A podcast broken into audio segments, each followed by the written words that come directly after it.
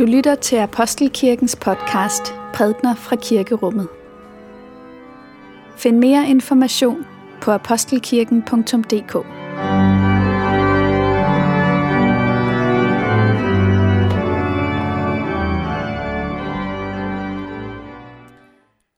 Det er i dag 6. søndag efter påske. Vi er samlet til gudstjeneste her i Apostelkirken på Vesterbro. Det har været Kristi Himmelfartsdag her for, for, et, for et par dage siden, og der hører vi om, hvordan Jesus far til himmels. Og dernede står disciplene så, og ja, skal finde ud af, hvordan de skal fungere i et fællesskab, uden at Jesus er fysisk til stede iblandt dem. Det er dette fællesskab. Hvordan skal vi være sammen med hinanden, som er dette tema, som vi skal beskæftige os med i dag. Og det skal vi gøre ud fra den læsning fra Johannes evangeliet, hvor Jesus netop taler og beder for de kristnes enhed. Vi vil lytte til dagens evangelietekst, som vi læser hos evangelisten Johannes, kapitel 17, vers 20-26. Jesus sagde, Ikke for dem alene beder jeg, men også for dem, som ved deres ord tror på mig. At de alle må være et, ligesom du, fader, i mig og jeg i dig. At de må være i os, for at verden skal tro, at du har udsendt mig. Den herlighed, du har givet mig, har jeg givet dem, for at de skal være et, ligesom vi er et.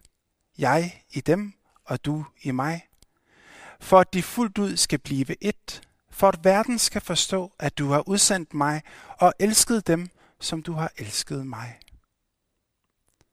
Fader, jeg vil, at hvor jeg er, skal også de, som du har givet mig, være hos mig, for at de skal se min herlighed, som du har givet mig, for du har elsket mig, før verden blev grundlagt.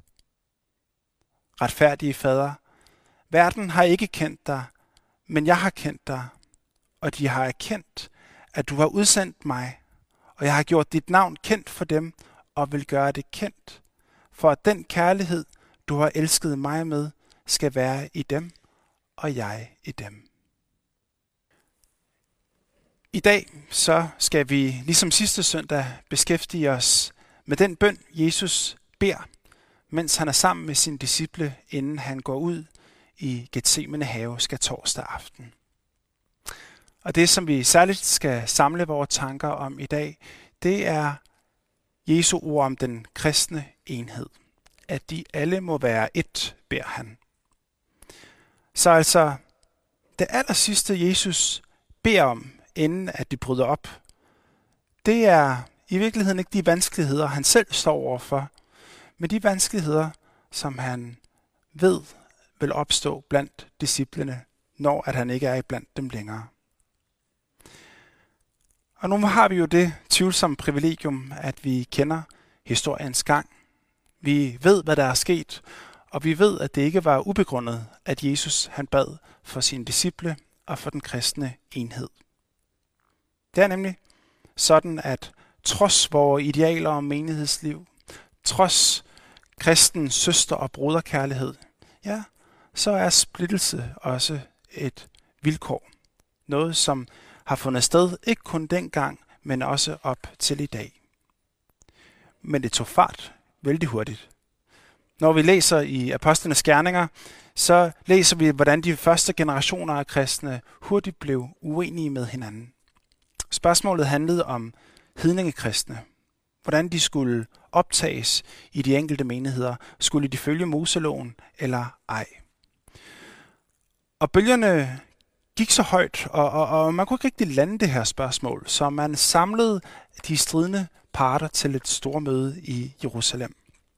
Og med nød og næppe, så fandt man et kompromis, og ydermere så opdelte man missionsmarken imellem sig, for i det hele taget at kunne blive i samme kirke.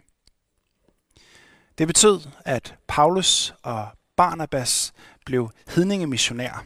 Det var dem, der fik til opgave at prædike for ikke-jøder. Og vi læser om, hvordan Paulus og Barnabas de har næppe forladt det her store møde, før det blev klart, at også de har det vældig svært med hinanden. Der er en bitter uenighed, som opstår imellem dem, og de kan ikke længere være i samme lokale. Som sagt, det er på bibelsk tid det her. Men vi ser det her mønster af splittelse gentage sig op igennem historien. Det rejser spørgsmålet, hvorfor er enhed egentlig så svær? Ja, og der er et enkelt svar på det. Enhed er så svær, fordi vi er så forskellige. Vi har forskellige baggrunde, vi har forskellige synspunkter, vi har forskellige livsomstændigheder, vi har forskellige forudsætninger for at være en del af et fællesskab med andre. På den måde så er forskelle det naturlige udgangspunkt i forhold til dem, vi er. Og derfor er det på en måde ikke svært at forstå, hvorfor der opstår øh, konflikter. Når Jesus der siger, at enheden er det, der skal kendetegne hans disciple, er det da i virkeligheden et umuligt projekt, han sætter os for?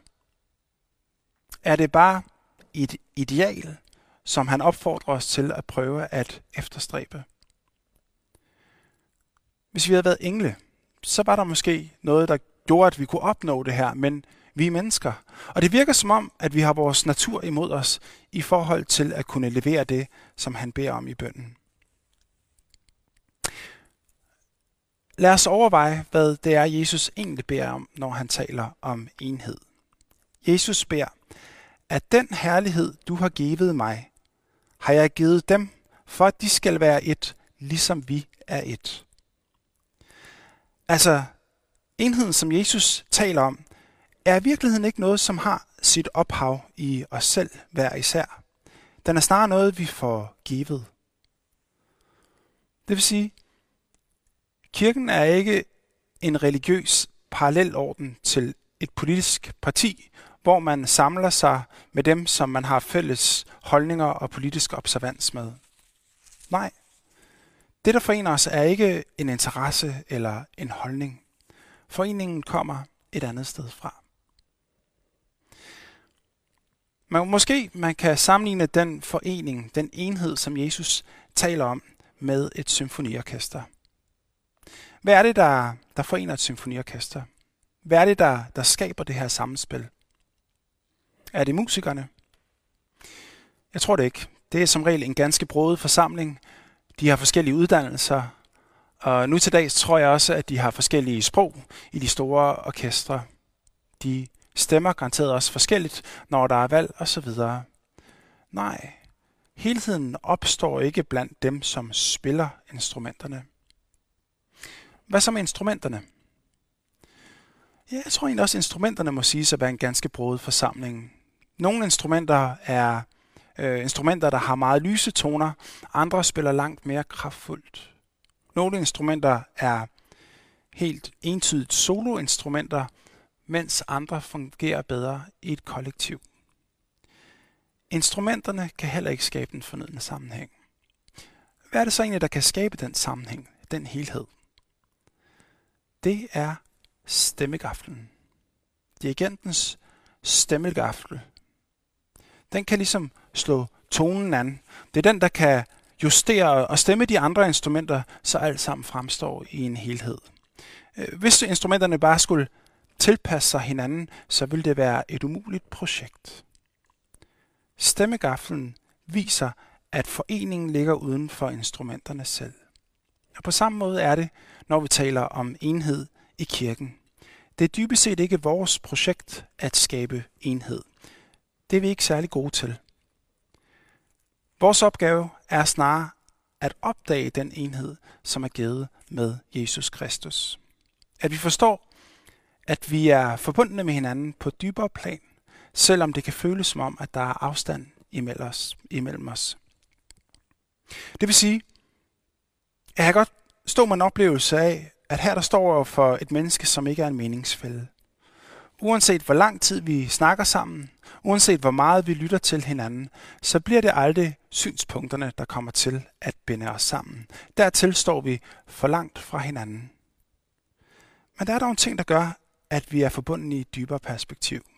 Og det er, at dette menneske bekender sig til Jesus Kristus. Og det har muligvis nogle konsekvenser for ham eller hende, som er anderledes end de konsekvenser, det har for mig. Se, den enhed, Jesus taler om, er ikke en enhed blandt ligesindede, blandt folk, som mener det samme, som vi selv gør. Det er en enhed, der formår at strække sig over de mange forskelle. Hvor vigtigt er det her så med enheden? Er det kun et spørgsmål om en form for god takt og tone i en kirkelig sammenhæng?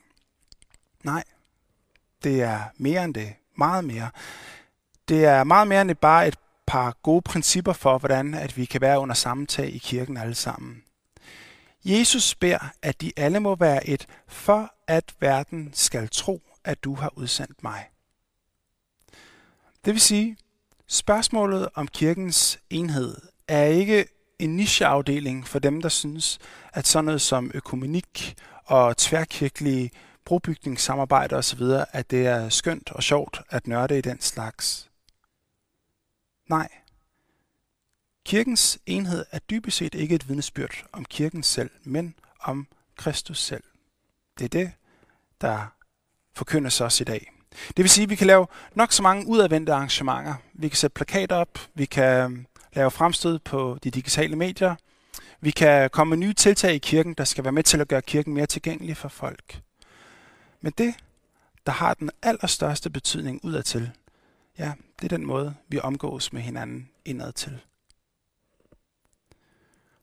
Det er det, Jesus han siger med sine ord til os i dag. At det fællesskab, som kan håndtere sine uenigheder med omsorg og med respekt, er et stille, men et mægtigt vidnesbyrd for omverdenen.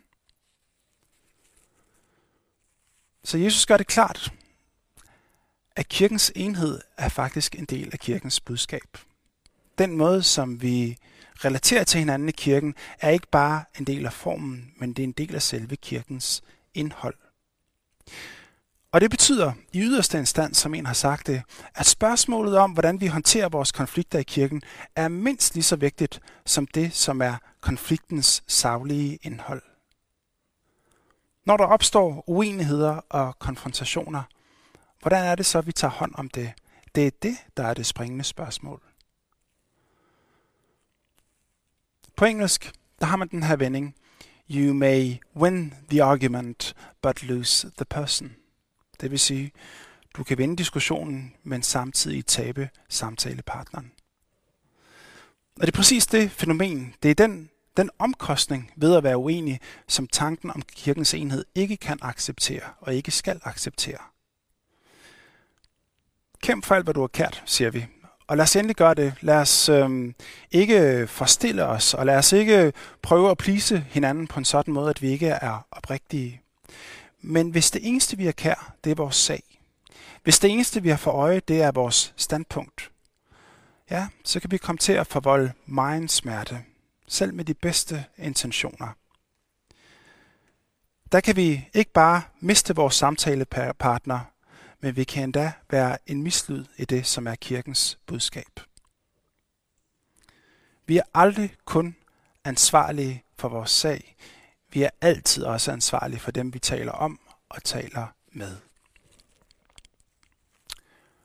Det vil sige, at kristen enhed er på en måde let at tale om, men langt mere vanskelig at omsætte i praksis. Men det at leve og det at manifestere denne enhed er måske det allerstørste og det allerfineste kirken har at give til omverdenen.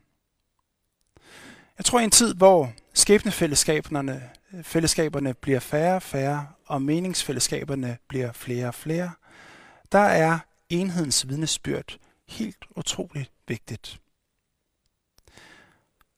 Der var en gang, hvor vi i højere grad var tvunget ind i de her brode fællesskaber, for det var det eneste, der var. Det var dengang, der kun var én skole eller én købmand. Det var dengang, der kun var én fjernsynskanal, så alle sammen havde set det samme aften før. Eller dengang, at der kun var én, eller i hvert fald meget få nyhedsmedier, som man kunne hente sin information fra. Der var måske endda kun én kirke, derfor måtte man tage plads der om søndagen. Alt det har ændret sig, og det er ikke kun entydigt negativt. Men det betyder i hvert fald, at igennem de seneste årtier, så er vi i stigende grad indgået i fællesskaber med mennesker, som minder om os selv mere og mere. Læg dertil alle de, den store udvikling inden for de digitale medier, de sociale medier. Der kan opstå frugtbare debatter også på de sociale medier, men alt for ofte så bliver det jo de her ekokammer, hvor folk bare bekræfter og befester hinandens holdninger. Vi indgår i flere og flere fællesskaber i dag, hvor enheden er givet i dette, at vi er enige med hinanden. Vi er ligesindede. Det er en af vores tids allerstørste paradoxer, at vi lovpriser mangfoldighed som aldrig før, men sandheden er samtidig, at der bliver alt færre mangfoldige fællesskaber i dag. Måske en besendelse på, hvad kristen enhed er, er noget, der kan få betydning, ikke kun inden for det kirkelige, men også langt udenfor. At kirken kan være et tegn på, at det lader sig gøre at indgå i fællesskaber med andre, som, som man ikke umiddelbart deler så mange præferencer med. Det lader sig gøre. Alt det her peger på, at det er noget, der, har, der rører sig i vores lokale sammenhæng. Man kunne ellers godt tænke, at øh, jo længere jeg kommer væk fra min egen kirkelige sammenhæng, desto mere udfordres jeg af Jesu tale om kirkens enhed. Jo mere fremmedartet en kirke tager sig ud i forhold til det, jeg er vant til, desto sværere er det ligesom at have blik for, at vi hænger sammen. Men er det egentlig sådan? Jeg har rejst rundt i verden og har haft privilegiet af at besøge andre kirker og andre kirkesamfund.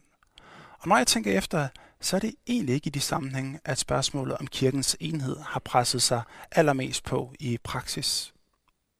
Det gør den meget mere lokalt. I storbyen, her på Vesterbro, i Apostelkirken, hvor jeg er og virker til daglig. Jeg ved, at når der er gudstjenester her, og bænkene øh, sidder der mennesker i, så er det ikke alle sammen, der tænker ens. Der er forskellige sprog, kultur, social baggrund. Der er så mange ting, der kan skabe forskellighed på godt og ondt. Og oftest så er det meget charmerende, det kan være endda meget opmuntrende, men det kan virkelig også være sårbart, og det kan være øhm, ikke altid helt let. Men vi mødes til gudstjeneste som Kristi menighed, som de originaler, vi nu engang er, med de præferencer, vi nu engang har. Vi skal ikke skabe enhed. Vi skal opdage den. Enheden er givet med Kristus, og han har udset sig kirken, os alle, til at være et vidnesbyrd for verden. Og det vil sige, med alt hvad vi har i kirken er spraglighed og løse ender. Vores opgave er at lytte til og formes af Jesu ord. At lytte til den røst, der formår at skabe den helhed, som vi ikke selv formår. Og dertil har vi brug for åndens vejledning. Derfor kan vi med glæde se frem til at fejre pinse på søndag. Lov og tak og evig ære være dig, vor Gud, Far, Søn og Helligånd. Du som var, er og bliver en sand treenig Gud, højlået fra første begyndelse, nu og i al evighed.